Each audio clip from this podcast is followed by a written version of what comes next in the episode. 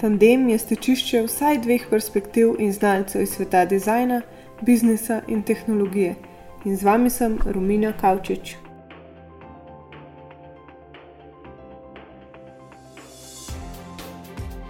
Ljudje smo odnosna bitja, tako v družini, kot tudi v podjetjih. Ko podjetja nimajo vzpostavljenih osnov, nam bombonjere, team buildingi in založena službena kuhinja ne pomagajo kaj veliko pri premagovanju stresa zaradi hektičnega okolja. Za uspešno poslovanje se moramo vrniti k bistvu, odnosom. Kaj je človeški kapital, kako zgradimo kakovostne odnose in kakšne metode nagrajevanja zaposlenih so sploh smiselne. O tem sem se pogovarjala s Katijo Krasko Štebljaj in Damjanom Pondelek.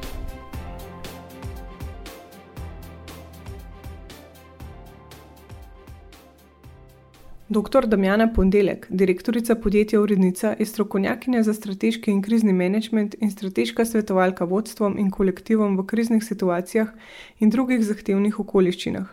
Te so močna spodbuda za nujne organizacijske spremembe, stabilno rast in krepitev podjetja, vodstva in sodelavcev. Podjetja spremlja v obdobju sprememb in transformacije in pri tem svetuje lastnikom, vodstvom in sodelavcem. V hudih zgodbah in kriznih situacijah, ki jih podjetjem pomaga reševati, je na kocki vse. Zato vodstva spodbuja, da tveganja in ranljivosti aktivno upravljajo. Upravljanje ogleda, poslovna etika, dobra organizacijska kultura, krepitev odnosov in vodenja je dober začetek, ki lahko v podjetjih prepreči marsikatero hudo zgodbo. Zato dr. Damjana Pondelek vodstva spodbuja k aktivnemu delovanju in sodelovanju, preden se zaplete. Katja Krasko Štebla je strokovnjakinja za odnose z javnostmi. Dan danes pri svojem delu uspešno prepleta uredniške izkušnje, znanje iz dolgoletnega vodenja oddelkov za odnose z javnostmi ter poznavanje področja psihologije dela, ki jo navdušuje.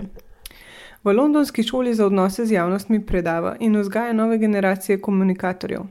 Trenutno je članica tima za odnose z javnostmi v družbi ELSDO, sistemskem operaterju prenosnega elektromagnetnega omrežja Republike Slovenije. Njena velika strast je tudi komuniciranje v športu, sicer pa v življenju stavi na osebno rast, sodelovanje, povezovalno komunikacijo, etično delovanje, sobivanje z naravo ter ravnovesje med poklicnim in zasebnim življenjem. Lepo pozdravljeni v tandemu predlagam, da začnemo kar z definicijami in sicer kako bi vidve definirali človeški kapital. Lahko ti začneš, Katja. Ja, za me, preden mogoče gremo čist k neki striktni uh, definiciji, uh, je človeški kapital zagotovo najpomembnejši dejavnik razvoja in neka največja konkurenčna prednost podjetja v tem, uh, v tem svetu, ki se zelo, zelo hitro spreminja. Sicer pa so to vsa neka znanja, sposobnosti, kompetence, predanosti ljudi znotraj določene organizacije in so seveda ključne za njeno uspešnost. To, kar bomo, po mojem, z Damjanom skupaj ugotavljali, je to, da je to nek skriti kapital, skriti potencial, kar pomeni, da se ne razvija kar samo od sebe, ko pride v podjetje, ampak da je zelo odvisno od različnih dejavnikov ali iz tega kapitala tudi dejansko kaj razvijemo. Um, pa mislim, da tudi skozi najem pogovor bomo zelo hitro ugotovili, da na njega tudi zelo in prehitro pozabljamo. To je res en tak čaroben trenutek v razvoju vsakega podjetja, ko vodstvo ugotovi, dozori v spoznanju, da je potrebno vlagati ne samo v zidove, v tehnologijo, ampak v ljudi, da so ti največje bogatstvo, ne pomaga, da to napišemo na stran, na spletno stran, potem jim pa pošiljamo detektive domov. Um, ampak da to, da to res uh, živimo, meni je všeč, da ni mogoče s človeškim kapitalom ne trgovati, ga ne kupiti, ga ne prodati, ampak da si to res prislužimo z ustreznim uh, odnosom in spodbujanjem uh, ljudi, in se to vse vrne, mnogokratno. Meni je včasih zelo všeč, moja dva sinova sta pri tabornikih in recimo taborniki res gradijo na tem človeškem kapitalu. Eh, recimo tam si statusnih simbolov, kot je eh, rutica, eh, se ne da kupiti, si jo lahko samo prislužiš za svojim delom. In včasih dajemo sporednico v življenju, da pravzaprav najboljše in najbolj vredne stvari so tiste, ki se jih ne da kupiti, kot je povedala, niti prodati. In človeškega kapitala se ne da ne kupiti, ne prodati, lahko pa ga negujemo in ga razvijamo. Uh mhm. -huh. Pa se vam zdi, da podjetja zadnje čase namenjajo več sredstev oziroma pozornosti svojim zaposlenim? Mi sodelujemo večinoma z izvoznimi, hitro raztočimi podjetji in te tekmujejo na svetovnem trgu. Um, in prav dobro vedo, da so zaposleni, njihova predanost, njihova energija, njihova pripravljenost uh, dosegati, presegati zastavljene cilje, edini kapital, ki ga imajo. In zato vlagajo, veliko vlagajo. In je to njihova pomembna konkurenčna prednost, ki je mnoga druga podjetja ne dosegajo. Jaz bi se tudi strinjala, da pravzaprav vsako podjetje ima neko znamko privlačnosti delodajalca. Uh, če se tega zavedajo ali ne, zagotovo se to pokaže predvsem med, med tistimi ljudmi, ki iščejo uh, delovna mesta. Mogoče bi na tem mestu uh, omenila raziskavo, ki je v teh dneh prišla v javnost. Gre za raziskavo uh, privlačnosti delodajalca, partnerjev Kompita in Stratkoma. Uh, ki je nekako naredila lestvico, kaj pa so tisti, oziroma kdo so tisti najprivlačnejši slovenski delodajalci. In uh, zajemala je odnos udeležencev do osmih kriterijev, ki so vplivali na znamko privlačnosti delodajalca. In te kriterije so bili recimo medosebni odnosi, možnost razvoja karijere, simulativno plačilo, družbena odgovornost, ugled podjetja. Ampak kar se mi zdi zelo zanimivo, kaj je pokazala ta raziskava, tako kot si Damjana ti pove, da se delodajalci že zavedajo, da imajo blagovno znamko delodajalca.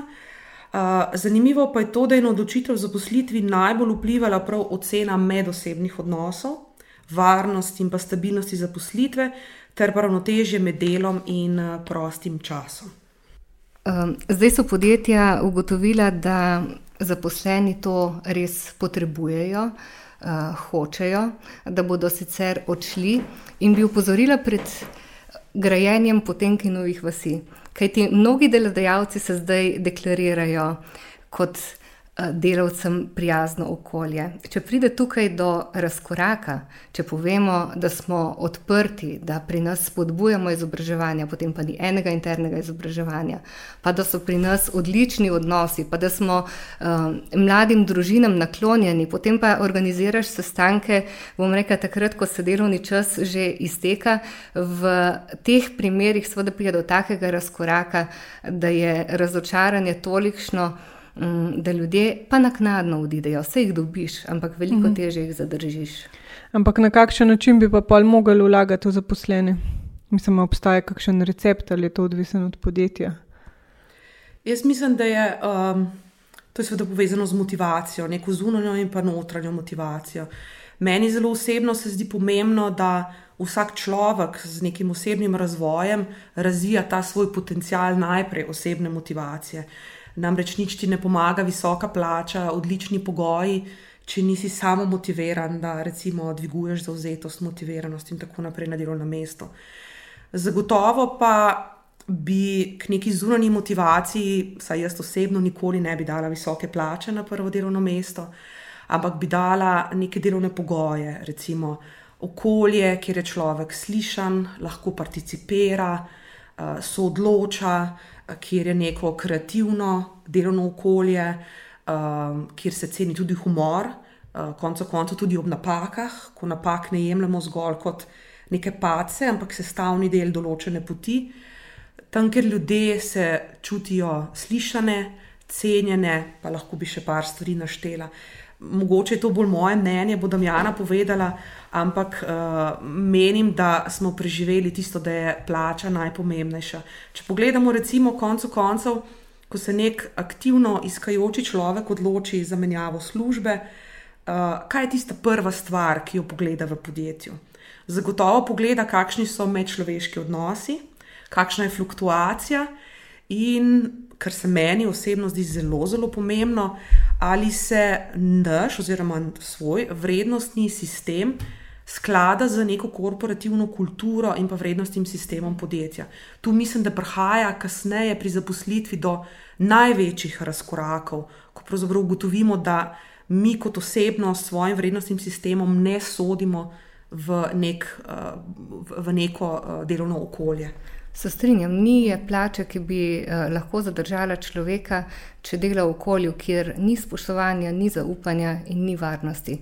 In ko razmišljamo o tem, kaj bi dali ljudem, poleg seveda ustreznega plačila za delo, pa vlaganje v njihovo izobraževanje, eh, varno, zdravo delovno mesto, eh, se mi zdi, da zelo pogrešajo čas čas, ki jim bi bil na voljo za strokovni razmislek, da lahko popravijo tudi kakšno napako, če se, če se uh, v resnici zgodi, tudi čas, ki ga namenjajo vodja ali pa kadrovski strokovnjak za individualen pogovor z zaposlenimi. Tega jim zelo manjka, pa zaposleni poznajo vsa tveganja podjetja in uh, na nje tudi opozarjajo, če imajo ta varen prostor, da to lahko storijo. In kar jim še lahko damo, je, da smiselno. Usmerjamo njihovo energijo, kajti energija zaposlenih ni neskončna um, in jo je potrebno usmerjati v takšno delo, v takšne dosežke, da bo imel zaposleni in tudi podjetje nekaj od tega. Kot bi mogoče še dodala, da zelo, zelo prihaja v ospredje tudi zavedanje zaposlenih, da potrebujejo neko ravnotežje med delom in prostim časom in da je to tisti atribut uh, zaposlovalca ali pa blagovne znamke zaposlovalca, uh, na katero definitivno lahko stavi. Tudi ta raziskava, ki sem jo prej omenila, uh, govori o tem, da zelo visoko na odločitev o zaposlitvi zelo vpliva tudi to, ali delodajalec omogoča neko zdravo ravnovesje med delom in prostim časom, kar pa seveda ima za posledico. Tudi zdravje, dobre odnose, večjo produktivnost, in tako naprej. Ja, pa če se vrnemo zdaj na ta uh, vrednostni sistem, v bistvu je pač smešno to, da večina podjetij ima itak vrednote napisane na spletni strani, ampak so sestavljene iz nekih ne vem, templatov. Ni to mnenje zaposlenih, oziroma niso delali to skupaj z ključnimi odločevalci, ampak je pač to. Nekaj, kar naj bi vsako podjetje imelo. Tako da, če jaz, recimo, se postavim v vlogo iskalca zaposlitve, Se mi zdi, da največkrat že podjetje lahko zgleda, da mi ponuja neko ravnovesje med zasebnim in pač poslovnim življenjem.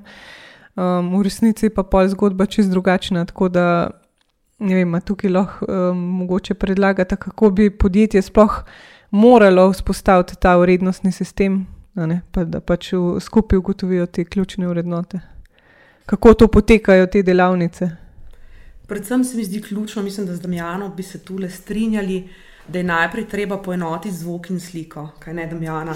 To so te potenke nove vasi. Uh, tako, uh, ne brati lepih uvodov, letna poročila, uh, tam lepo zapisane vrednote, vizija in poslanstvo. Če pa kasneje, ko vstopamo v neko kulturo uh, podjetja, ugotovimo, da pravzaprav vrednote so bile spisane z vrha, niso pa odraz celotne firme. Uh, Uh, še huje pa to, da vrednot kasneje tudi ne živijo. Ne? Vrednote niso sami sebe namen, ampak morajo biti pravzaprav odsev tega, kakšni smo. Ne? Tudi če imamo kriv nos. Najprej vodstvo. Tako, vedno pa vse izhaja zagotovo od vodstva navzdol. Se pravi, vodstvo kot zgled tega, tudi vrednot, ki smo jih zapisali in ki jih živimo. Če vodstvo. Uh, je tu v razkoraku med tako imenovano zvokom in sliko, potem imamo pravzaprav največji problem, ker ljudje uh, ne bodo ne zauzeti, ne motivirani, če bodo videli, da vodstvo najbolj odstopa od tega, kar je vizija poslanstva in kar so vrednote družbe. To je res, ko, mene podjetje vpraša, kakšno vizijo bi pa mi imeli, kakšne vrednote bi pa mi, mi imeli. Pa to ni tržnica, kjer si pač zbereš nekaj, kar, kar, kar lepega rečejo o tebi. Ampak je, je, jaz jih vprašam, v kaj pa verjamete? Ne? In kaj pa, želijo, kaj pa želijo zaposleni, kaj pa želijo drugi deležniki podjetja. In v osnovi lahko vse te vrednote, spisane v kvadratkih, kar, kar odstranimo ne?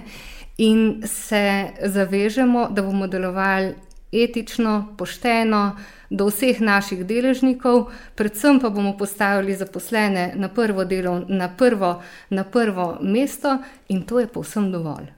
To je največja vrednota, ki jo, ki jo uh, podjetje lahko ima in potem komunicira s svetom. Uh -huh. In všeč mi je resnično, da se tudi neka poslovna kultura vra, vrača k tema dvema osnovnima postulatoma, se pravi človeku, odnosom in pa etičnemu delovanju, mm. ker bomo videli, da pravzaprav čisto vse iz, iz tega izhaja. Ja, ker če pogledamo veliko okolij neetičnih, pa vodijo jih tudi delavci, ki so bili ponastavljeni tam, pač mogoče tudi nimajo kompetence ali pa čustvene inteligence. Um, zato me zanima, v bistvu, kaj po vašem mnenju um, zaposleni sploh potrebuje, recimo, kaj bi jim lahko nudili na mestu savne, pa vem, dobro založene kuhinje, pa bombonjer, pa tem buildingov. Kaj bi jim lahko nudili, da bi se bolj počutili, recimo, če že so v stresu, pa pač, da to hočemo popraviti. Uh, aha, če smo zdaj že pri stresu, uh, se znova vračamo z Damjanom. Jaz mislim, da se bomo v vsakem izhodišču danes vračali k osnovnim, dobrim, temeljnim odnosom, kjer je prostor za komunikacijo, da si slišan, da si viden, da lahko se odločaš. Damjana je zelo lepo povedala, tudi pri prepoznavanju tveganj se doskrat tu napaka naredi. Namreč prav zaposleni imajo največji upogled v to, kje so tista največja tvegana družbe, pa vodstvo prevečkrat uh, posluša zgolj sebe, čeprav bi bilo tu zelo dobro in smiselno uh, uh, prisluhniti prav tistim, ki imajo z vsakodnevnim delom največ stika s temi tveganji. Ne. Ker se pa stresa na delovnem mestu tiče, uh, večina stresa izhaja iz trpinčanja, mobbinga, to se pravi iz nekih stresnih, toksičnih, nezdravih uh, delovnih odnosov. Uh, tudi ko zapuščamo firmo, ne, zapuščamo te toksične odnose, mi ne zapuščamo slabe plače, uh, mi ne zapuščamo tega, da mogoče nimamo službenega avta, mi zapuščamo svojega nadrejenega, največkrat je to razlog, in pa zapuščamo neke toksične odnose. Ne. Um, menim, da tudi na področju um, ozaveščanja o zdravju na delovnem mestu uh, bi delodajalci spričo nekih trendov, ki lepo kažejo, da uh, duševno zdravje tudi slovencev in globalno uh, gre v nek trend povečevanja anksioznosti, depresivnosti na delovnem mestu, uh, deloholizma, ki ga seveda delodajalci tudi podpirajo, seveda, ker je to v njihovem interesu. Uh, tako da bi sami delodajalci lahko zelo, zelo veliko naredili že s tem, da bi vzpodbujali neko dobro mentalno zdravje zaposlenih, uh, negovali dobre medosebne odnose in bi bilo tega stresa, teh toksičnih odnosov, iz katerega kasneje tudi krize izhaja, v koncu koncev upada tudi uh, dobiček podjetja. Uh, se pravi, vse je vezano na to osnovo, na človeka in na odnose. Res to, kar rabijo, je zaupanje, spoštovanje, varnost.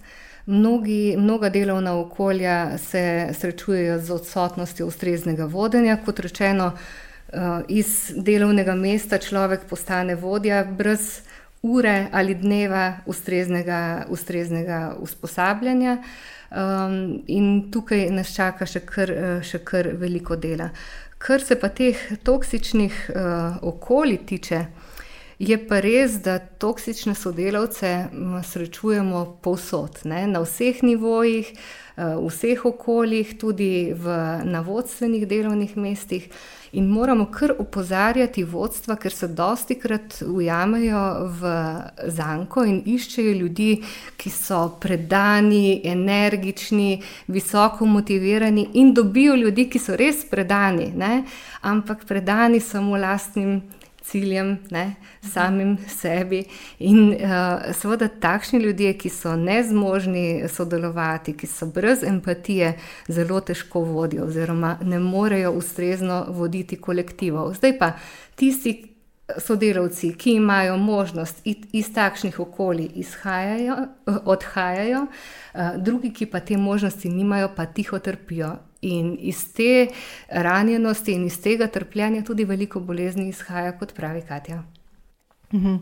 Ampak vsem, če se vrnemo recimo na zaposlene, bi jim pomagali, da bi imeli v firmi vemo, da imamo pač razne kadrovnike in se lahko gremo k njim pogovoriti, čeprav vprašanje, koliko se um, zares namenja resursov za to.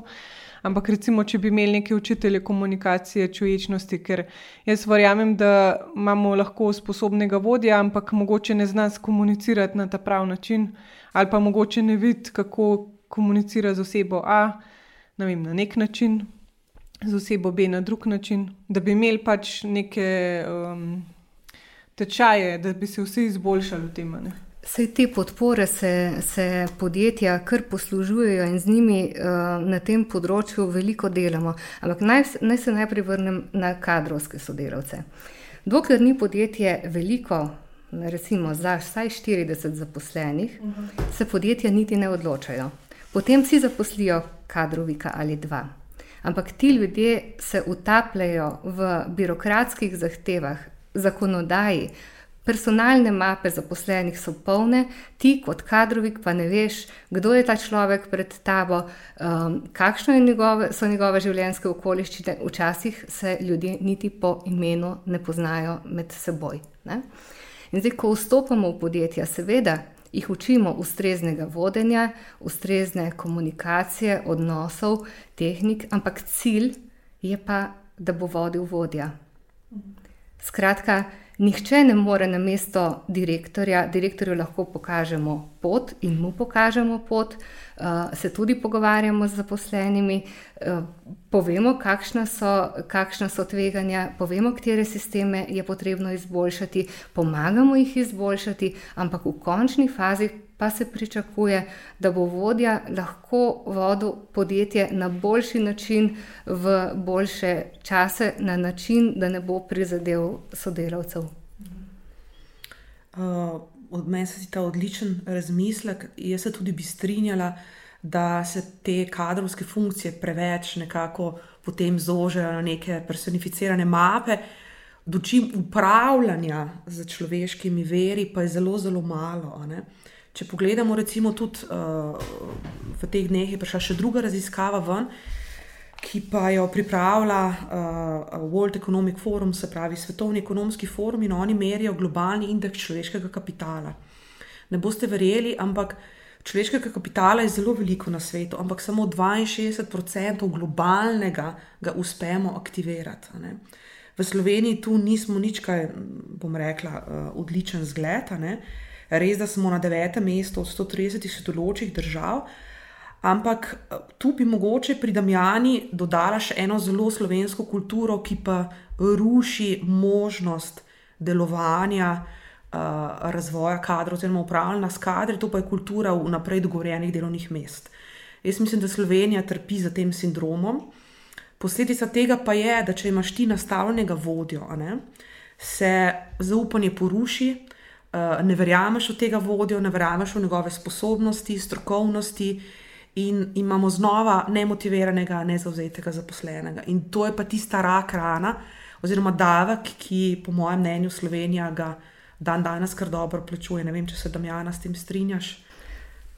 Pri izvoznih podjetjih, kjer v resnici eh, tekmujejo na trgu, je tega bistveno manj. Seveda pri podjetjih, ki pa živijo uh, od politike in s politiko in z roko v roki z njo, uh, so pa seveda pravila igre drugačna. Ampak se pravi, dobri kadri iz takih podjetij potem bežijo, ker ti res potrebuješ vodjo, ki bo opravil svoje delo, ki bo tam uh, zate, ki bo usmerjal energijo zaposlenih, kot se zagre. Ampak vseeno imamo kar nore trende v smislu pač bolniške odsotnosti. In večina te bolniške odsotnosti verjetno je zaradi stresa, vsaj v zadnjem času. Um, tako da me ne zanima, v bistvu, kako se pol podjetje sploh tega loti. Recimo, da zdaj damo primer, da direktor res ugotovi, da ima preveč fluktuacij oziroma pač bolniških. Kako se sploh generalno lotiti zdaj reševanja, recimo, da izboljšamo klimo, pač obstaja kakšen recept? Ali... ni bližnjic, res ni bližnjic. Ne, ne tudi, vem, ne. da ni bližnjic, ampak vsem, kako bi se zdaj direktor tega lotil. Recimo, da se ozavest ta problem. Predvsem bi jaz rekla, da uh, predvsem tudi Damjana bo to vedela, ker jaz pač delam v veliki korporaciji. Damjana pa je tista, ki hodi od korporacije do korporacije, da pravzaprav ni enotnega sistema, ki bi bil lahko copy-paste za vsakega. Ne? To je ravno ključ teh uh, dobrega strateškega uh, komuniciranja, da je res personificirano. To se pravi, da je treba najprej spoznati DNK samega podjetja, da ugotovimo, kje pa so tiste liturgične točke, zaradi česa pa naši zaposleni toliko zbolevajo, zakaj naši zaposleni ne izžarevajo teh vrednot, ki smo jih konec koncev nekako skupaj. Uh, popisali, zakaj ne doživljajo vizije podjetja kot njihove vizije, in tako naprej. Se pravi, mislim, da je tu treba najprej detektirati tako imenovane liturgične točke, iz katerih pravzaprav vse izhaja nekega um, enotnega, uh, bom rekla, priporočila za vsa podjetja, pa ne bi dala. Ker ravno tu vidim ta pravo vrednost, to, da se spoh recimo Damjana, ki hodi od podjetja do podjetja, ne, da se resnično vsakemu, da najprej spozna ta DNK, da začuti, odkot izhajajo ti problemi, potem pa se sistemsko z zaupanjem z dolgo kilometrino nekako tega počasi, počasi loti. To so zelo dolgi procesi, to niso procesi, ki bi se dali popraviti od danes na jutri. Predvsem pa mislim, da je ključno, uh, tako kot je pri krizni situaciji, da najprej si ne priznamo. Ne. Zelo veliko vodi si najprej seveda ne prizna, da to, kar se pravzaprav dogaja v podjetju, um, je odraz vodenja, odraz vrednot in vsega tega, kar se dogaja v družbi. In je včasih potrebno tudi se stopiti uh, iz nekega pedestala malo nižje, um, in to pa je problem pri mnogih vodih. Zato pa v bistvu smo v privilegiranem položaju, ker sama delujem na področju strateškega in kriznega menedžmenta, ko podjetje ustavi zelo huda zgodba. Če ne prej, takrat pa dozori spoznanje, da bodo spremembe potrebne, čeprav so boleče, čeprav se jih vsi otepamo, čeprav poskušamo najti bližnjice, čeprav poskušamo vem, peljati uh, zaposlene na sladoled, pa na en team building, pa upamo, da bo to rešilo težave, ne bo jih rešilo. Ko gotoviš, da si prišel do točke, da ta način vodenja, da ta način organizacijske kulture, da ta način um, vzpostavljanja odnosov ne deluje, ko se tukaj na tej točki resetiramo, ko rešimo hudo zgodbo, takrat je navadno um, čas za, za odločitev, za spoznanje, za pripravljenost, da bomo stvari spremenili na bolje. Takrat tudi sprejmeš sam pri sebi, ok, poskusili smo že 150 bližnjic v zadnjem letu, nobena ni delovala, zdaj pa dajmo pošteno, zdaj pa dajmo tako, kot je prav.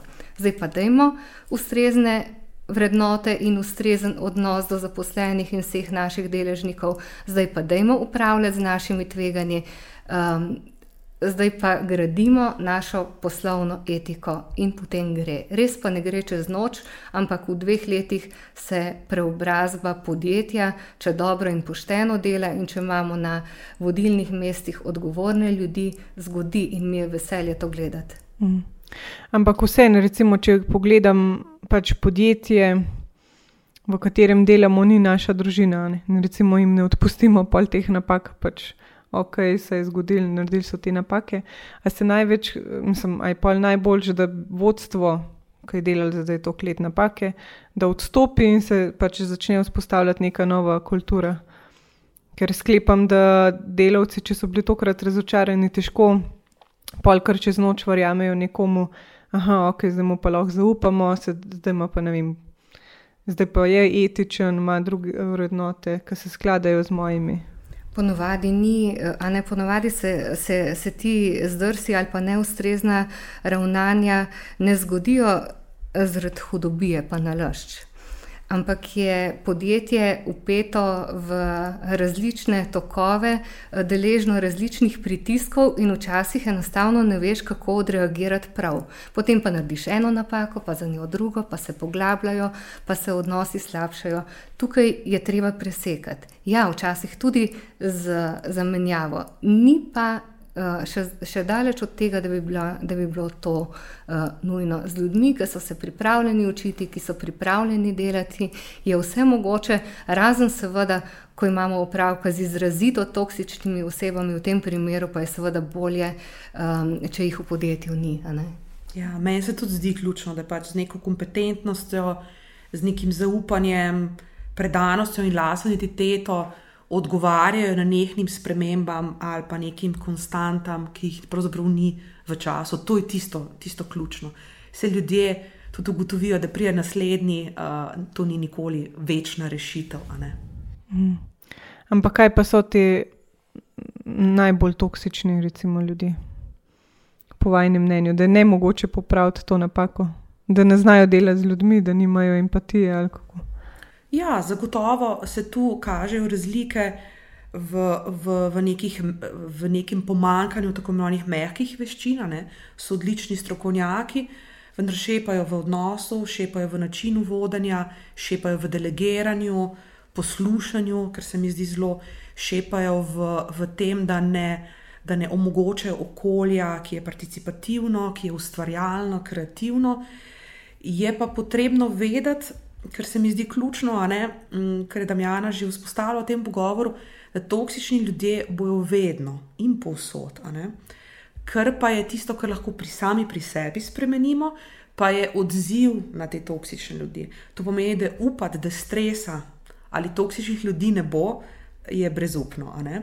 Lahko pa zelo veliko naredimo in tukaj lahko delodajalec, tudi z izobraževanji, kako pa mi lahko spremenjamo naš odnos do stresa, odnos do toksičnih ljudi in kako lahko odziv, to pa je ključno, na toksične ljudi spremenjamo. Tu pa se da veliko narediti. Mislim sicer, da je podjetje um, dolžno tudi postaviti ene meje. Kaj je še sprejemljivo znotraj naše organizacijske kulture, in kaj ne. In dosti krat srečamo aroganco. Uh mhm. -huh. Aroganca je prevečkrat narobe razumljena kot dokaz moči, samozavesti. Je pa v resnici vse prej kot to, je izjemno uničujoča. In če kot podjetje razumemo, da pri nas prostora za egotripe, za aroganco, za to vrstna ravnanja ni, potem bomo razumeli. Bodo razumeli tudi ljudje, ki morda nimajo empatije, pa zmožnosti sodelovati, radi pa ugajajo jih bomo pač usmerili v to, da ugajajo v dobrem. Tako, če pa vodstvo to podpira in to mi vidimo, da podpira, potem pa je tu že. Ne moremo spremeniti samo našega odziva na te toksične ljudi, ampak je najverjetneje tudi čas za odhod.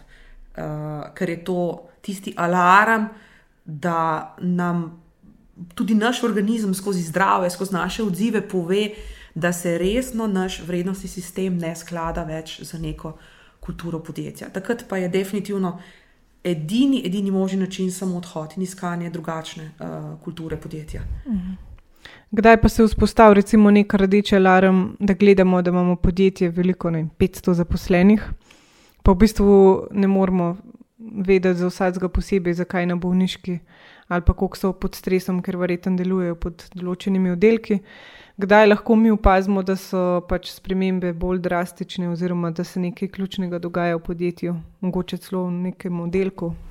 Jaz mislim, da ima vsako vodstvo nekje v pogled v neko povprečje, statistiko, koliko je bolniških odsotnosti v povprečju, koliko je nesreč pri delu in koliko je drugih odhodov. In ko ti daš, jaz vedno rečem, da imamo na mizo številke ko daš ti na mizo bolniške odsotnosti, pa daš na mizo fluktuacijo, uh, potem, potem, potem se seveda zelo hitro, zelo hitro ugotovimo, kje smo. Ne? Ker nekaj so bolezni in ja, ljudje smo bolni, uh, delovna mesta niso prilagojena temu, da se prebivalstvo stara, ampak razumeti pa moramo da je uh, bolniška mnogo več kot bolezen sama. Je organizacijski problem posamezne organizacije, če je tega veliko, pomeni, da bomo morali zelo poblizu pogledati naše odnose in vodenje, če je tukaj kaj za spremeniti, če tukaj lahko kaj popravimo. Tako bolniške so že odziv, se pravi, so že posledica. Ne? treba se pa vrniti vzrokom. In skoraj da v vseh podjetjih ugotavljamo, da so vzroki v medosebnih odnosih. To je res temelj vsega. Mhm, ki so toksični, pač ponovadi. Ja, dosti krat podjetje reče, dejte popravite naše odnose. Veste, sodelavci se ne obnašajo lepo med seboj. Je pa treba razumeti, da so odnosi vedno zrcalo vodenja. In če želimo pomagati kolektivu, moramo pomagati vodstvu, da bo vodilo bolje. Ko ti v procese vodenja uh, ustaviš uh, spoštovanje, zaupanje, varnost, ki to daš ljudem, podjetje v sveti. Pa ne govorim samo o tem, da osveti v svojih odnosih in povezanosti, tudi na bilancah se to zelo lepo pozna. In tudi zelo hitro. Ja. Torej, v bistvu namen uh, nekega kriznega menedžerja je to, da vstopi v podjetje, pogleda številke in se pol tudi strateško loti vseh korakov, ki bi pač pomagali podjetju vzpostaviti boljše odnose in seveda tudi rešiti krizo predvsem krizni menedžer, eh, krizni menedžer, ki prihaja v neko tuje, v narekovajih okolje, ima eno zelo, zelo pomembno prednost in to je to, da ni čustveno upleten v same odnose. Da je sposoben pogledati iz drugega zornega kota. Včasih smo v to toksičnost že tako, tako upleteni, tako smo včasih tudi prepričani v svoj prav, da je dobro, da nas nekdo od zunaj ki ni čustveno upleten v situacije v sami organizaciji, ki je strokoven, ki ima resnično veliko kilometrine, predvsem pa dobro rešenih primerov, nas včasih lahko kar zdrami. Se strinjaš, uh, da je to zelo velika prednost, ta nečustvena upletenost. To je res pomembno. Um, in predvsem ne gledaš samo številk, pogledaš ljudi, kako delujejo, kakšne so težave, kje so, kje so, uh, kje so tveganja, kje so točke ranljivosti. In ko odkrito pogledamo okostnjake v omarah in nekaj naredimo z njimi, smo naredili že veliko. Mi se sicer dosti krat srečamo v hudih zgodbah, ko moraš najprej uh, pogasiti, uh, kar, kar se pogasiti da, in se potem vrnemo na sistemske uh, spremembe, ki so potrebne. Dosti bolje je, če se srečamo, preden se zaplete. Mogoče bi tole, le še dodala, se upravičujem. Tole bi dodala, kot smo izpostavili, to neko čustveno neupletenost. Drugo pa je to, kar smo že večkrat omenili, da je nek zunani krizni menedžer, ki pride v podjetje, uh, predvsem ima sposobnost in naredi to, da prisluhne zaposlenim. To je tisto, kar ugotavljamo, ne, da doskrat vodje, kot smo že omenili, uh, ne dajo v, nekem, v neki participativni kulturi dovolj prostora, da bi ljudje sami um, tveganja že popisali. Toč, oni, vsi zaposleni, zelo najbolje vedo, kje so tiste liturgične točke, kjer se zna določena kriza zgoditi. Če pa, tako kot je Damjana lepo dobro povedala, ne se stopimo iz nekega visokega položaja in ne prisluhnemo zaposlenim.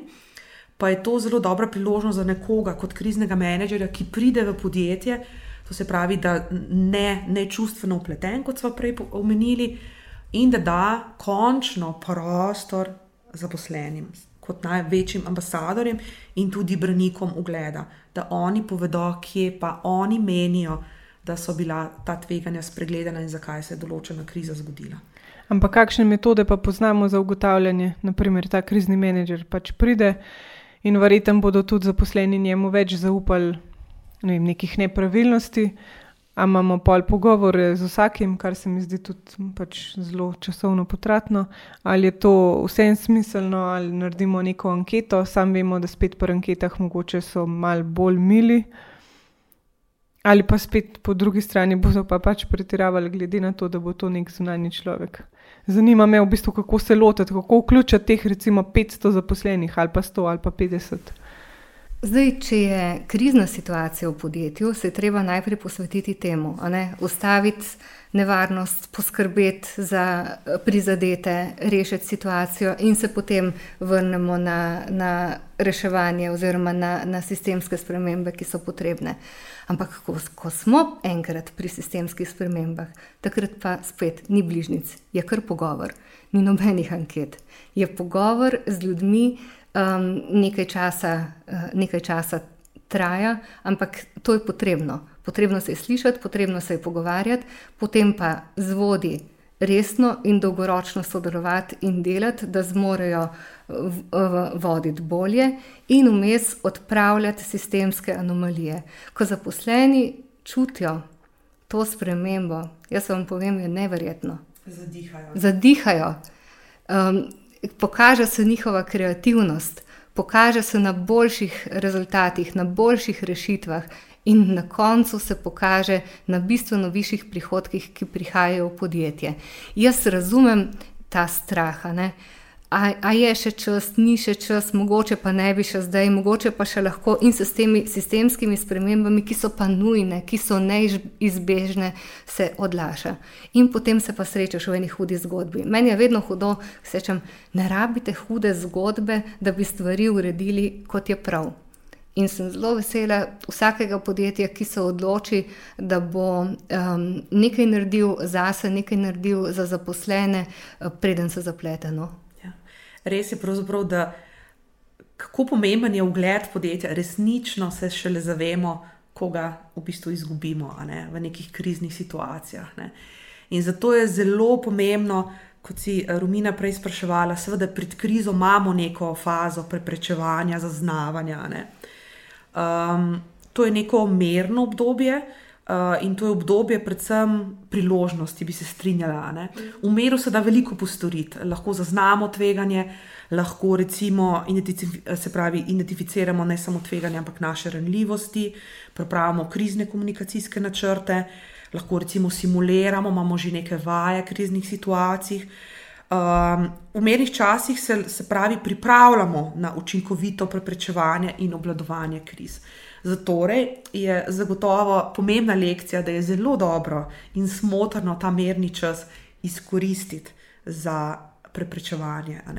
Ko pa seveda kriza nastopi, je pa že obvladovanje. Takrat pa menedžeri, kot so uh, Damjana ali pa mi, kot nekdo, ki delamo v odnosih z javnostmi, takrat pa začnemo garati. Je pa tako, da je res ta čas, mirni čas, ponovadi izgubljen. Izgubljen v tem smislu, da pač ni težave, ne delamo. Uh mhm. -huh. Potem pa, uh, tako da, ko pridemo v situacijo, v neko hudo zgodbo podjetja, ugotoviš, da ni kriznega načrta. Ne? Tudi ni, uh, ni bilo razmisleka o tem, da je uh, podjetje ranljivo da se lahko uh, zgodijo uh, hude zgodbe, da je, da, je, da je vse na kocki. Uh, in potem uh, panika, impulzivni odzivi, vse to uh, podjetja poznajo. Takem, v takem trenutku vstopiš kot strokovnjak, ne samo da rešuješ, ampak tudi umirjaš uh, situacijo in jo nekje profesionalno vodiš na ustrezen način. Pa če se za trenutek sam vrnemo um, na, pač na to mirno obdobje, bi bilo verjetno smiselno, da takrat se ukvarjajo z neko pač s kulturo podjetja, oziroma um, ja, da delajo v bistvu na boljših odnosih. Ja, takrat je, je treba izboljševati vodenje, krepiti odnose, je treba krepiti tudi zaupanje deležnikov. Ta meren čas je res taka izjemna priložnost, ampak kot je rekla Damjana, zelo veliko krat neizkoriščena, takrat lahko ukrepimo, da izobražujemo zaposlenih na nekih šibkih točkah. Um, se pravi, kot smo rekli, boljšamo odnose v, v podjetju. Uh, to je recimo tudi primeren čas za izboljševanje sistema nadzora in kakovosti, da v bistvu nekako tudi uskladimo, um, kako bi rekla, zakonske in regulativne zahteve z našimi procesi, oziroma ravno obratno. Se pravi, to je res obdobje, ki, če ga zanemarimo, se nam kasneje ne samo dvojno, ampak tako eh, trojno vrne nazaj v času krize. Ampak recimo ja, za te kadrovnike, verjetno so oni tisti, ki pač v večjih podjetjih, kot ste omenili že prej, na 40, je nekako smiselno, da se jih zaposli, da se oni ukvarjajo pol z nekim profiliranjem ljudi, ki so primerni za to kulturo. Ali se, mislim, se pri večjih podjetjih pol to nekako kar pozabi, pa pač glavno, da imajo znanja, ki jih potrebujemo na kulturo oziroma vrednostni sistem, bomo pa mal pozabili. Ja, zdaj, če imaš vrednote tako samo v kvadratke dane, da, jih, da so zaradi lepšega, ne, da jih v mhm. resnici ne živimo, potem je čisto vseeno in se na to ne gleda. Ne. Žalostno je, da se to ne gleda pri vodilnih kadrih in da potem dobimo ljudi, ki niso zmožni sodelovati in niso zmožni voditi. To bo potegnilo celo kulturo za sabo. Če ti deluješ pošteno, če ti deluješ etično, če s svojim zgledom vodiš, potem bodo šli ljudje za tabo. In kolektivi bodo slabi, a ne ljudi, ki morda. Eh, ne sodijo, niso del te kulture, imajo, imajo drugačne vrednote ali pa celo nimajo vrednot. Um, jih, bo, jih bo zdravi kolektivi bodo to ustrezno izločili. Če pa imamo hm, zelo bolne kolektive, se pa to ne bo zgodilo. Mm. Ja, ker Katja enkrat sem si umenila, da v bistvu vse te krize izhajajo iz nas samih, oziroma da nas nihče ne more tako raniti, kot se lahko ranimo sami v kolektivu. Ne? Tako da sklepam, da vsi te vse krize, vse ta, ki izgubimo neko gled, izhaja iz nas samih, razen dobro, če se ne zgodi neki, neka zunanja situacija, ki jo nismo mogli predvideti. Ja, tveganje ugleda bi si drznila reči, da je zagotovo skoraj da najbolj povezano z medosebnimi odnosi. Sicer pa so tveganja ugleda lahko povezana tudi z nekimi tveganimi, mogoče napačnimi odločitvami, lahko, z, kot si Damjana omenila, za procesi vodenja, in pa seveda z nekim notranjim delovanjem podjetja. Tako da zagotovo je bil odgovor, ja, notranji sistem, ki se kasneje izkaže za rak rano in se manifestira v, kot neka kriza. Ja. Krizne situacije se zgodijo zaradi različnih vzrokov, ampak ne tudi na vzven zgleda, da je morda nekaj drugega, ampak potem ko pogledaš globlje, vedno pridemo do odnosov, vedno pridemo do vodenja, vedno pridemo do ljudi. In je zato to področje, kjer, lahko, kjer je tvoja ranljivost največja, kjer deležniki tega ne bodo odpustili, če ravnaš. Uh, če ravnaš tako, da si izgubil zaupanje, če ravnaš uh, neetično. Hkrati imamo pa največjo možnost, da te stvari ustrezno uredimo. Seveda, če je to zavedanje v času miru, sicer pa po eni hudi zgodbi. Mhm.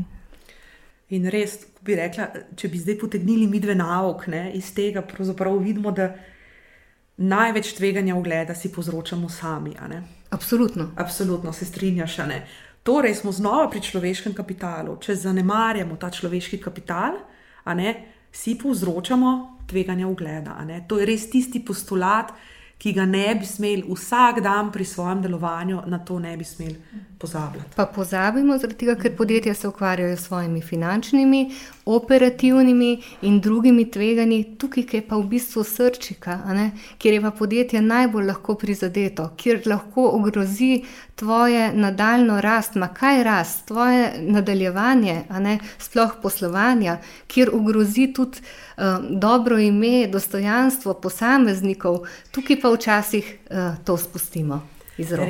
In prelagamo, kot da se imerni časi bojo še kar trajali, ampak živimo zelo v hektičnih časih, uh, kjer se krize lahko pojavijo komorkoli in kadarkoli. Zato ne bi mi dve priporočili, da se ravno prelaga ta tveganja na neke čase, kot so jutri, pojutrišnjem in tako mhm. naprej. Ne. Ampak torej bi lahko pa iz tega sklepali, da se pač uspešnim podjetjem manjkrat zgodijo krize, oziroma se jim bojo zaradi nekih zunanjih stvari. Zdaj, kriza se res lahko zgodi vsakemu podjetju, eh, na vseh področjih delovanja, eh, velikemu, malemu, srednjemu, tukaj pravila ni. Um, zlahka, vsako podjetje zlahka spregleda, katero izmed tveganj in ko nitka uide, imamo lahko zelo hitro hudo zgodbo. Seveda pa lahko ogromno naredimo, um, ogromno naredimo z ustreznimi odnosi, z ustreznim vodenjem, tukaj pa se da marsikaj preprečiti. Ni pa zagotovila, ne? zagotovila, da bodo mirni časi še dolgo trajali, nima nihče izmed nas. Kako se pa lahko pripravimo? Vem, da imajo pač nekatera podjetja krizne načrte, ampak res lahko vse situacije predvidimo naprej. Vse zagotovo ne, ampak v tem pravočasnem zaznavanju, preprečevanju, kot sem prej omenila, pa se da ogromno velik narediti. To je ne, ne samo pomembno, da zaznavamo, ampak tudi, da jaz bi rekla, da ne podcenjujemo tvegan, ker dosti krat se mi zdi, rečemo, no, se mogoče ta pa ni po tej lestvici, ki jih ocenjujemo. Um, pa nimamo samo tveganja, ampak tudi veliko nevarnosti, ki jih je tudi potrebno zaznavati. Se pravi, strateški pristop v tej fazi preprečevanja oziroma zaznavanja je ključen. Ni pa to pogoj, da se kasneje kriza uh, ne bo zgodila. Tako kot je povedala Damjana, zgodi se komorkoli in kadarkoli. Če pa smo seveda pripravljeni na njo, je pa toliko še boljše. Zdaj v nekaterih podjetjih, kot boš ti kasneje najver, najverjetneje še malo globje razložila, pridemo do te fa faze samo zaznavanja. Ne? V nekaterih podjetjih pa smo že naprej, ko pa dejansko že simuliramo lahko določene krize. Simuliramo dejansko, kako bi govorci odreagirali, kaj bi se dogajalo, Eh, pripravljamo krizne komunikacijske načrte, to pa so že podjetja, ki so pa malo bolj napredna. Ne samo, da zaznavajo, ampak da lahko tudi potreniramo že kakšno krizo in jo simuliramo. Mhm. Torej, simuliramo v smislu, ne vem, če zdaj, pač se zgodi nek bombni napad in smo bili zato sami krivi, ker nismo ustrezno vem, zaščitili svojih kemikalij, pol oni imajo že napisan komunikacijski načrt. V kakšnem smislu se to zgodi? Ja, potrebno je seveda najprej, ključno je to, da določimo, kdo bodo tisti govorci, ki bodo recimo v določeni krizi sploh lahko, če grdo rečemo, odprli usta. Kdo bodo tisti, ki bodo imeli pristojnost, da karkoli lahko soodločajo o reševanju krize, kdo so tisti, ki bodo tako imenovani govorci v času krize. Treba je popisati postopke, treba je popisati, katera komunikacijska urodja imamo takrat na voljo. Tudi komunikacijski načrt, recimo, vsebuje tudi, katere so tiste javnosti s katerimi bi največkrat lahko komunicirali, in tu spet pridemo do zelo, zelo pogoste napake. Da pri krizah usmerjamo vso energijo navzven. Kot smo pa rekli, veliko kriz že izhaja iz nas samih. In kasneje, da oskrat, uh, ko tudi gledam študente, ko predavam na Londonski šoli za odnose z javnostmi, naredijo odlične krizne komunikacijske načrte, ampak pozabijo na bistvo, na zaposlene. Zaposleni so tisti, ki so ob krizah v največjem šoku. Oni se zbudijo za svojo službo, zbudijo se za firmo, konec koncev so jih predani, v njej delajo. In oni so tista javnost, na katero je treba najprej in takoj odreagirati. Jaz se spomnim, no, zavedno si bom zapomnila situacijo v srednjem velikem podjetju, ki je imelo zelo hudo, uh, hudo krizno situacijo, ravno um, iz naslova vodenja pa neustreznih odnosov. Ko je to slišala zunanja javnost, kot so to slišali zunani deležniki, ni bilo milosti.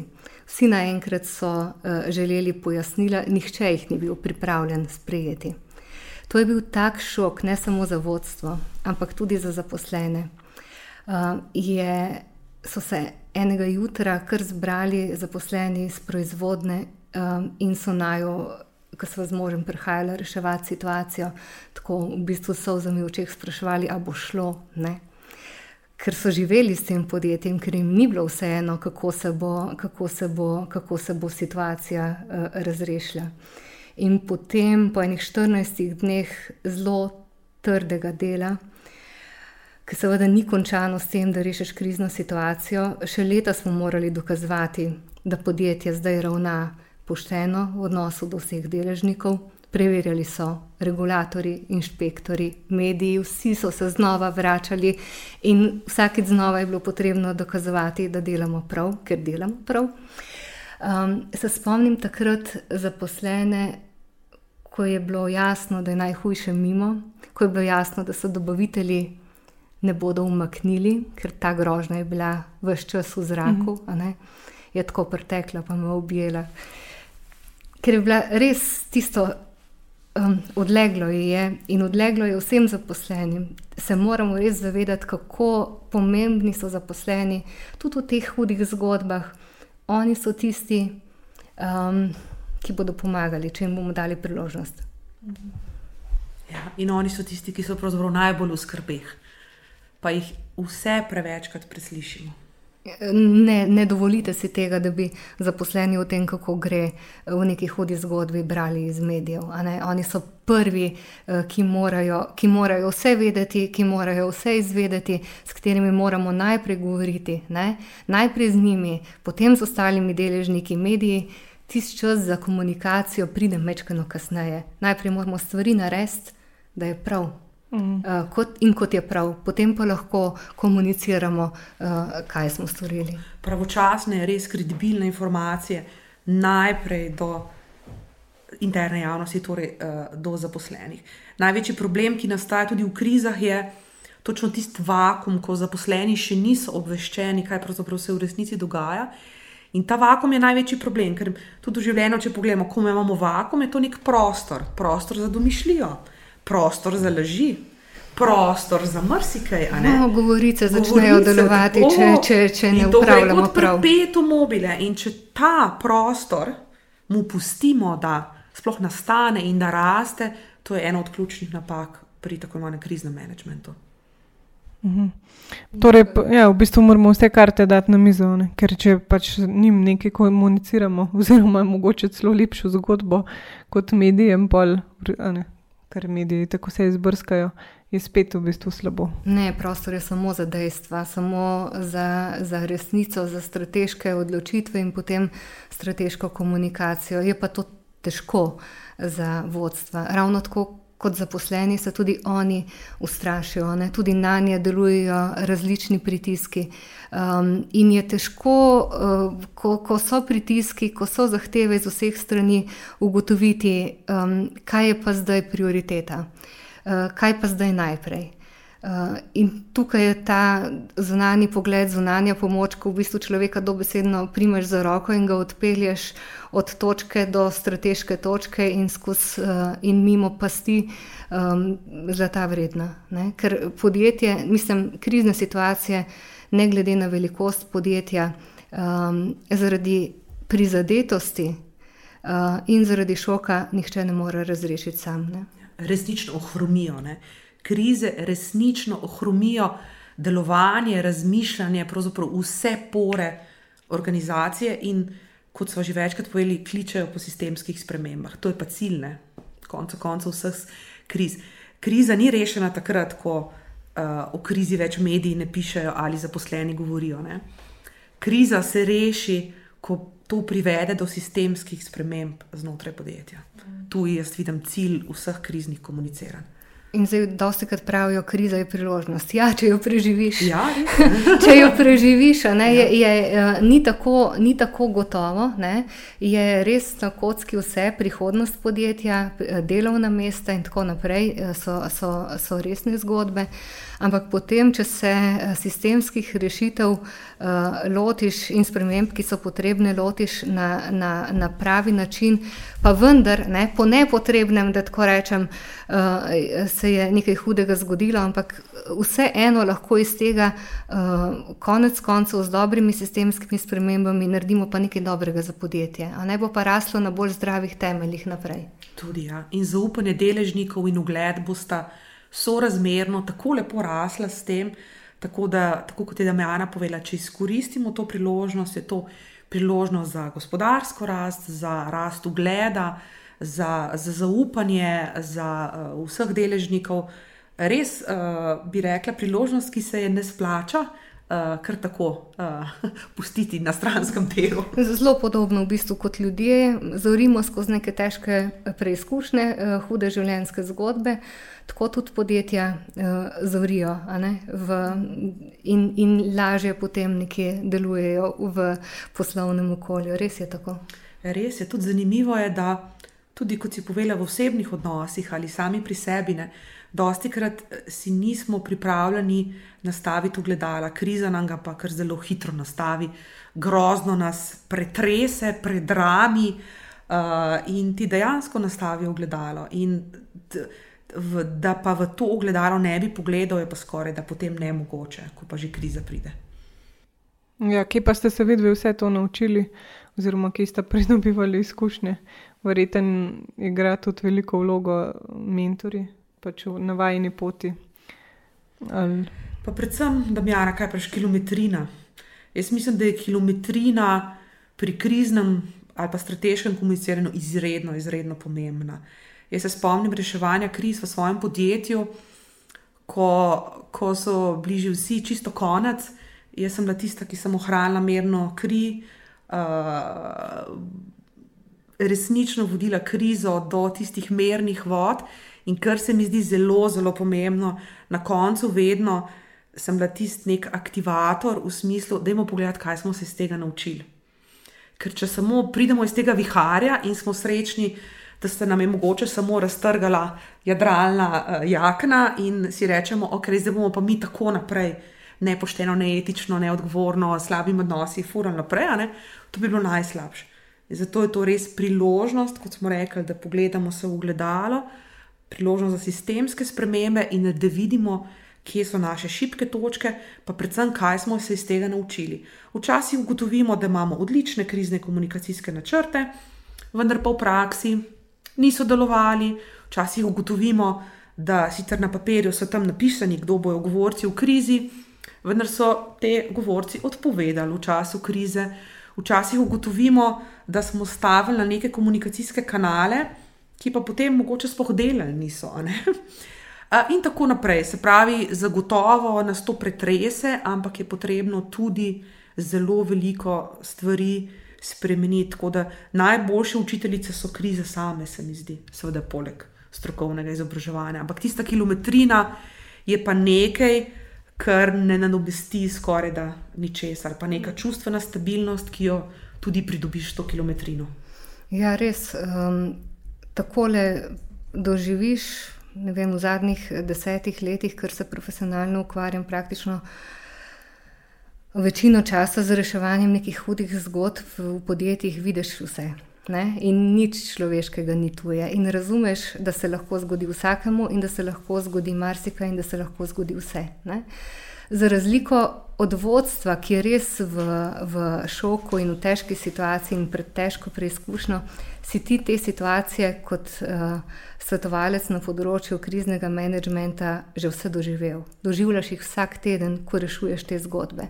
Medtem ko je za podjetje, ki se je znašlo v neki hudi zgodbi, pa za njih ponovadi je to prvič, za vodstvo je prvič in si niti ne predstavlja, kakšni pritiski so to, kakšne zahteve so to, kaj mora, uh, kaj mora storiti. Zaradi tega pravim, v bistvu, ko si tako le ne smeš ostati sam, ne? ker nimaš niti najmanjše možnosti. Prvič, sistema ne poznaš, drugič, ne veš, kako se rešujejo krizne situacije, tretjič, morda imaš tisti uh, uh, komunikacijski načrt, pa ti nič ne pomaga, ker so vprašanja, ker so situacije, ker so sistemi povsem drugačni v, v danem trenutku. Takrat res rabiš strokovnjaka ki je, uh, ki je miren, pa hkrati izkušen, da ti lahko pomaga skozi skoz to težko zgodbo, ker skozi to težko zgodbo pa je treba.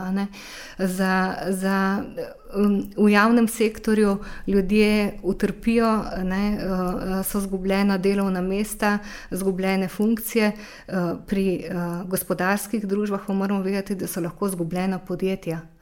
In tukaj res veš, da ni prostora za napačen korak in ga ne smeš narediti. Ne? Zato, je, zato so v bistvu naša sodelovanja ključna, pa prinašajo potem res eno veliko veselje, ko je huda zgodba, mimo pa še večje veselje, ko so sistemske uh, rešitve na mestu in ko vidiš, da podjetje funkcionira bistveno bolje, kot je funkcioniralo prej, ko vidiš, da vodja funkcionira bolje, kot je funkcioniral prej, in ko vidiš, da so zaposleni spet.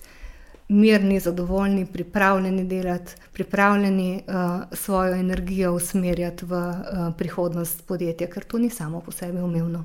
Ja, res je. Mogoče bi to le eno prigodo uh, povedala.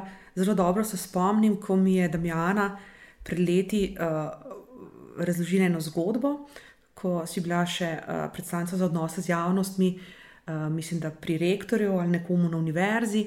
In je povedala zgodbo, ki se nanaša tudi na to krizo, mogoče posredno, pa boste na koncu razumeli, kaj želim povedati. Um, njen takratni vodja jo je od prvega delovnega dne vodil na vse sestanke, dejansko da je spoznala vse pore delovanja podjetja. Zakaj je to ključno? Ključno je tudi to, da se vsi v podjetju, ne samo v času krize, ampak tudi drugače, zavedajo resničnega, izjemnega pomena, ki ga imajo strateški odnosi z javnostmi. Se strinjaš, Damjana? In krize so tu res priložnost, da se vidi, ali smo to priložnost resnično zanemarjali ali ne. Pred dnevi sem brala katastrofalne podatke uh, raziskave komunikacijske odličnosti, ki jo pripravlja, mislim, da je par tisoč komunikatorjev iz Evrope in te podatki so strašljivi in se nanašajo na to, kar pravzaprav o čemer mi danes razlagamo. Raziskava European Communication Monitorja za leto 2018 je pokazala, da samo 76 odstotkov direktorjev se pravzaprav zaveda pomena odnosov z javnostmi kot res strateške funkcije v podjetju. In podatki so še bolj zastrašujoči, ko gremo nižje po lestvici. Približno 57 odstotkov ostalih zaposlenih na nižjih vodstvenih položajih se tega zaveda, se pravi, ko so na nekih nižjih funkcijah. In kriza je res priložnost, da vidimo, če tej vlogi odnosov z javnostmi, ki mora biti resnično strateška, ne, nismo dajali dovolj priložnosti, uh, se bo tu zelo, zelo hitro pokazalo, da smo storili zelo izjemno veliko napako. Um, ja, pri čemer je treba funkcijo odnosov z javnostmi kar, kar uh, pošteno nadgraditi. Ne? V nekih hudih zgodbah, uh, lepe besede, dobra komunikacija, bolj malo, uh, bolj malo zaleže, bolj malo odleže. V resnici je potrebno um, od samega začetka eh, pošteno upravljati, karkoli se nam je že zgodilo, urediti vse, kar je potrebno urediti, potem pa ja, seveda lahko in moramo tudi uh, pošteno, uh, pošteno komunicirati. Hm. A bi za konec dali še kakšen svet um, podjetjem? Jaz bi mogoče strnila na eno zelo skupno razmišljanje, seveda jaz posebej, da mi je ena posebej, ampak videli smo skozi današnji pogovor v tandemu, da se konstantno vračamo v delovne kolektive, da se vračamo v odnose. Zato bi mogoče jaz rekla, da resnično v teh spreminjajočih se časih stavim na boljše odnose v delovnih kolektivih, stavim na več sodelovanja, ustvarjalnega, kreativnega razmišljanja in pa seveda na boljše vodine.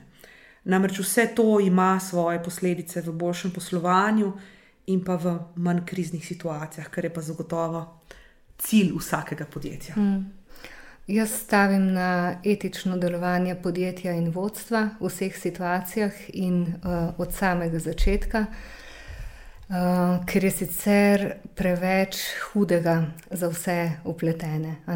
Tako kot smo rekli, z ugledom, enako kot zdravjem, dokler je tukaj, uh, se niti ne ukvarjamo s tem, ko ga enkrat izgubimo, uh, se bi naredili vse, da si to povrnemo, ne dobi pa vsak druge možnosti.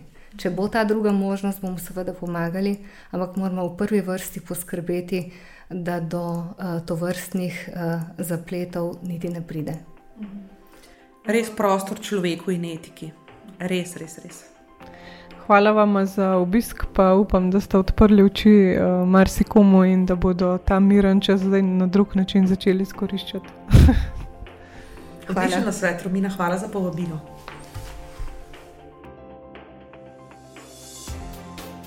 Tandem lahko spremljate na Twitterju, Instagramu in Facebooku pod Poslušaj Tandem. Vaša mnenja in predloge pošljite na hajafna poslušaj tandem.com. Adijo, se slišimo čez 14 dni.